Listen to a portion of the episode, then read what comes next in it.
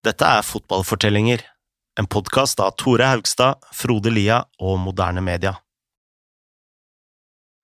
Med streikene bak seg retter Fiat og Juventus blikket mot 80-tallet.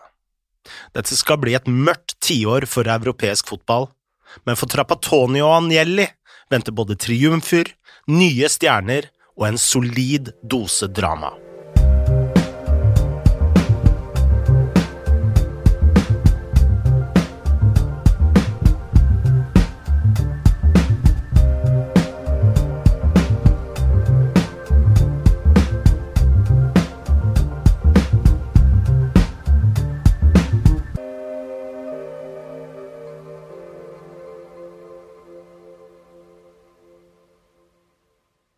Da Fiat hadde roet ned protestene høsten 1980, hadde Juventus gått to sesonger uten å vinne tittelen.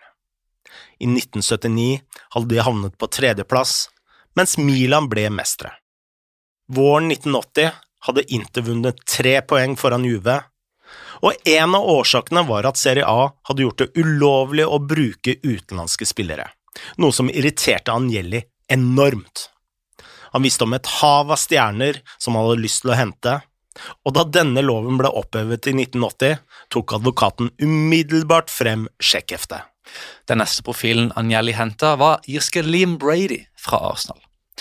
Han var en offensiv midtbanespiller med en utsøkt venstrefot og en teknikk og en kreativitet som Agnelli satte stor pris på. Med Brady på laget tok Juventus med en gang tilbake skudettoen. Hadde nå levert tre ligatitler på fire sesonger som trener for Juventus. I 1981 forsterka Juventus igjen ved å hente måltyven Pablo Rossi, som hadde banka inn mål for Vicencia i en årrekke. Det eneste problemet var at Rossi hadde blitt utestengt fra fotball i to år for å tatt del i en gedigen kampfiksingsskandale i 1980 kalt Totonero. Men siden alle lag nå hadde lov til å bruke to utenlandske spillere samtidig, ville Agnelli fylle opp kvoten på banen. Så Juventus sendte en ny teknisk angriper, nemlig Sigmund Boniek, en av de beste spillerne Polen noensinne hadde produsert. Den sesongen sto tittelen mellom Juventus og Fiorentina. På våren begynte Agnelli å jobbe med enda en stor signering. Han visste nemlig via sine kontakter at det var en ung og genial playmaker i Saint Etienne i Frankrike som kom til å stå uten kontrakt den sommeren, og han het Michel Platini.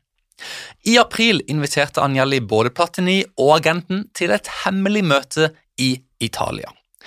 De to satte seg på flyet, og da de forlot flyplassen i Torino, reiste de i en pansra limousin, for de røde brigadene var tross alt ikke helt ferdig ennå. Senere møtte de Juve-presidenten Boniperti, som fikk dealen i boks. Men nå hadde Juventus både Platini, Boniek og Brady, noe som var én utenlandsk spiller for mye. Trappatoni kunne bare bruke to av dem samtidig, så de måtte snu ryggen til én av dem. Og taperen, det ble Brady.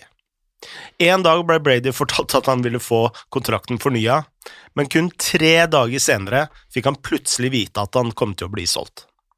Brady sa senere at han trodde at Agnelli hadde bestemt seg for å selge ham etter tapet mot Anderlecht i serievinnercupen, og dette var den hellige gral, sa Brady mange år senere.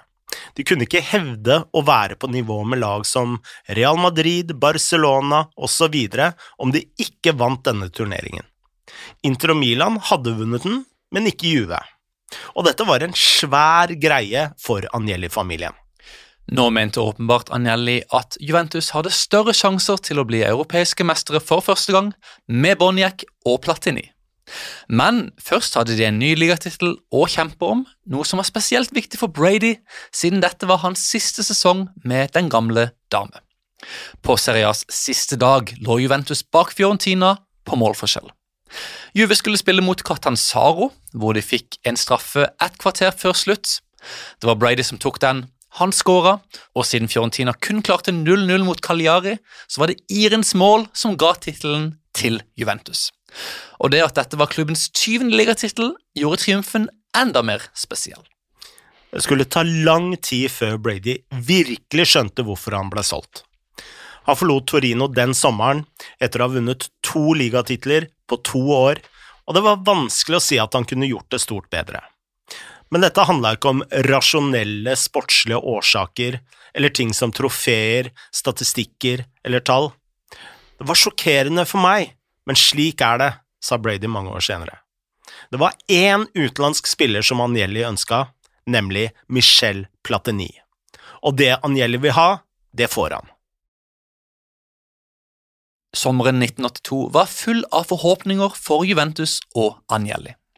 Italia hadde nettopp vunnet VM i Spania, som var landets tredje verdensmesterskap, men det første de hadde tatt utenfor det mørke og brutale regimet til Mussolini og fascistene. Seks av de ferske mesterne spilte for Juventus, da først og fremst Rossi, som skåra hat tricket som sendte hjem Tele Santanas Brasil, men spesielt defensivt hadde Trapatonis menn bidratt til triumfen. Italia hadde Dino Soff som kaptein og keeper, de hadde Cabrini på venstreback og Chirea og Gentile som stoppere. Spesielt Gentile ble kjent i det mesterskapet for en brutal markeringsjobb på Diego Maradona, som helt sikkert er ute på YouTube ennå. Argentinerne mente at Gentile sparka El Diego ut av kampen. Italienerne kalte det for godt forsvarsspill. Nå vil Juventus følge opp den nasjonale triumfen med titler både i Serie A og serievinnercupen. Men én ting bekymra Agnelli, og det var Platini.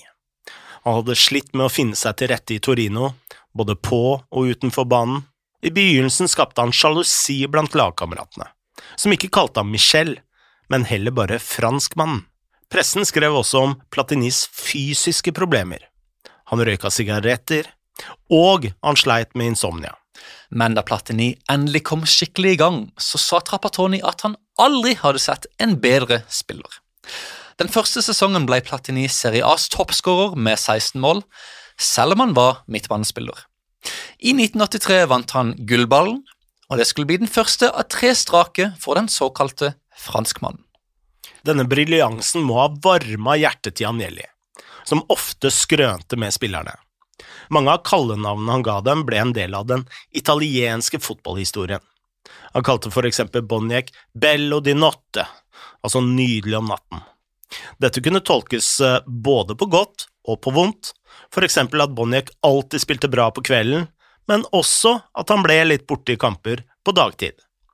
Nesten alle spillerne måtte leve med slike navn, men Platini var den eneste som turte å si noe tilbake til Agnelli. En gang kom Manelli inn i garderoben og så Platini røyke en sigarett. Det der bekymrer meg, sa Agnelli. Da svarte Platini. Du trenger ikke være engstelig før han der begynner å røyke, og så pekte han på Bonini, som var Platinis løpegutt på midtbanen. En annen gang ga Platini en gullball til Agnelli. Er det ekte gull? spurte Agnelli. Platini svarte. Om det var det, så hadde jeg aldri gitt den til deg. Dessverre for begge to ble det en skuffende sesong for Juventus. I Serie A havna de fire poeng bak Roma, men den aller største smellen kom i serievinnercupen, hvor de tapte i finalen mot Hamburg etter et tidlig mål av selveste Felix Magath. Det tapet var så tungt for Trappatoni at han vurderte å si opp som trener. Og Man skulle jo tro at dette var galskap når han så på hva han hadde vunnet i klubben, og hva slags status han hadde i Torino, og ikke minst stallen som han hadde til rådighet. Men Trapattoni var fast bestemt. Han sa til Boniperti at hans tid i klubben var over. Men som den slu presidenten han var, tok ikke Boniperti et nei for et nei. I stedet ba han Trapattoni om å gi ham én dag før han gjorde det offisielt. Trapattoni tenkte at jo, det får vel være greit. Da han våkna neste morgen og åpna avisen, ble han fullstendig sjokkert av overskriftene. Gianni Agnelli hadde fortalt pressen av Trapattoni, og her siterer jeg, han har vært og er og vil fortsette å være vår trener. Så fort dette var sagt, var det ingen i Italia som kunne gå imot advokaten. Han stilna alle, sa Trapattoni, og det inkluderte meg selv. Agnelli hadde rett som beholdt troa på Trappatoni. De neste tre sesongene tok Juve to nye ligatitler og vant i tillegg cupen og cupen i 1984. Og så, i 1985 henta de endelig hjem Den hellige gral ved å løfte sin første serievinnercup, selv om han ble vunnet under tragiske omstendigheter på Heisel. Nå var Juventus så gode at seirer og titler nærmest var blitt en vane. Og dette fikk Trappatoni til å tenke. Hvor stor var verdien i å trene et lag som alle forventa skulle seire? Trapattoni følte at folk trodde at hvem som helst kunne vinne med Juventus, at laget var så sterkt at treneren ikke lenger hadde noe å si. Og dette såra han, og en dag i 1986, altså ti år etter at Agnelli hadde ringt ham på morgenkvisten, var det Trapattonis tur til å ringe advokaten og endelig si adjø. Det avslutta samarbeidet mellom Trapattoni og Anjelli. Il Trapp skulle vende tilbake til Juventus i 1991, men uten særlig stor suksess. For sin del forblei Anjelli en fan av Juventus. I 1996 trakk han seg ut av Fiat i en alder av 75 år, mens det også skjedde store endringer i Juve. Boniperti forlot sin rolle som president i 1990, og senere gikk ansvaret for klubben til trioen Betega, Antonio Giraudo og Luciano Moggi. Dette var ikke en trio fra Agnelli-familien, og Carlo Ancelotti, som trente Juventus fra 1999 til 2001, skulle si at Gianni aldri helt fant tonen med dette styret. Men entusiasmen for Juve ble med Agnelli livet ut. Han fortsatte å prate om laget, og gammel og grå dukket han opp på kampene, velkledd som alltid, med pressen og beundrere rundt seg. Senere sa Anjeli at jeg har vært bortskjemt som har hatt alle disse spillerne. Sivori, Platini, Roberto Baggio og Zinedine Zidane. Kanskje har jeg unnet meg selv mer enn det jeg burde. Anjeli døde i 2003 og fikk heldigvis aldri se Juventus bli dratt gjennom korrupsjonsskandalen i 2006. Omtrent til hans siste dag fortsatte Gianni å stå opp tidlig og få butleren sin til å ringe rundt til sine venner. Han ringte både Trapattoni og andre trenere og spillere. En av disse var Antonio Conte, som ble henta til Juve i løpet av Trapattonis andre periode, og som senere ble lagets kaptein. Conte skulle aldri glemme en kveld i desember 2000. Juventus hadde nettopp spilt deres siste kamp før jul, og Conte hadde dratt ut på byen i Roma sammen med en venn som het Adriano. Etter mange timer med drikking og dansing snubla de inn på hotellrommet klokka fem om natta, klarte de å sove så lenge som mulig for å bli kvitt fyllekula. Men så ringte telefonen. Adriano, som var halvveis i søvne, lurte på hvem i alle dager var det som kunne ringe nå. Han rakte ut hånden, tok telefonen og sa hallo. Hallo, kom svaret. Dette er Agnelli-huset. Er dette Mr. Conte? Advokaten ønsker å snakke med ham. Adriano dekket telefonen med hånden og snudde seg til Conte.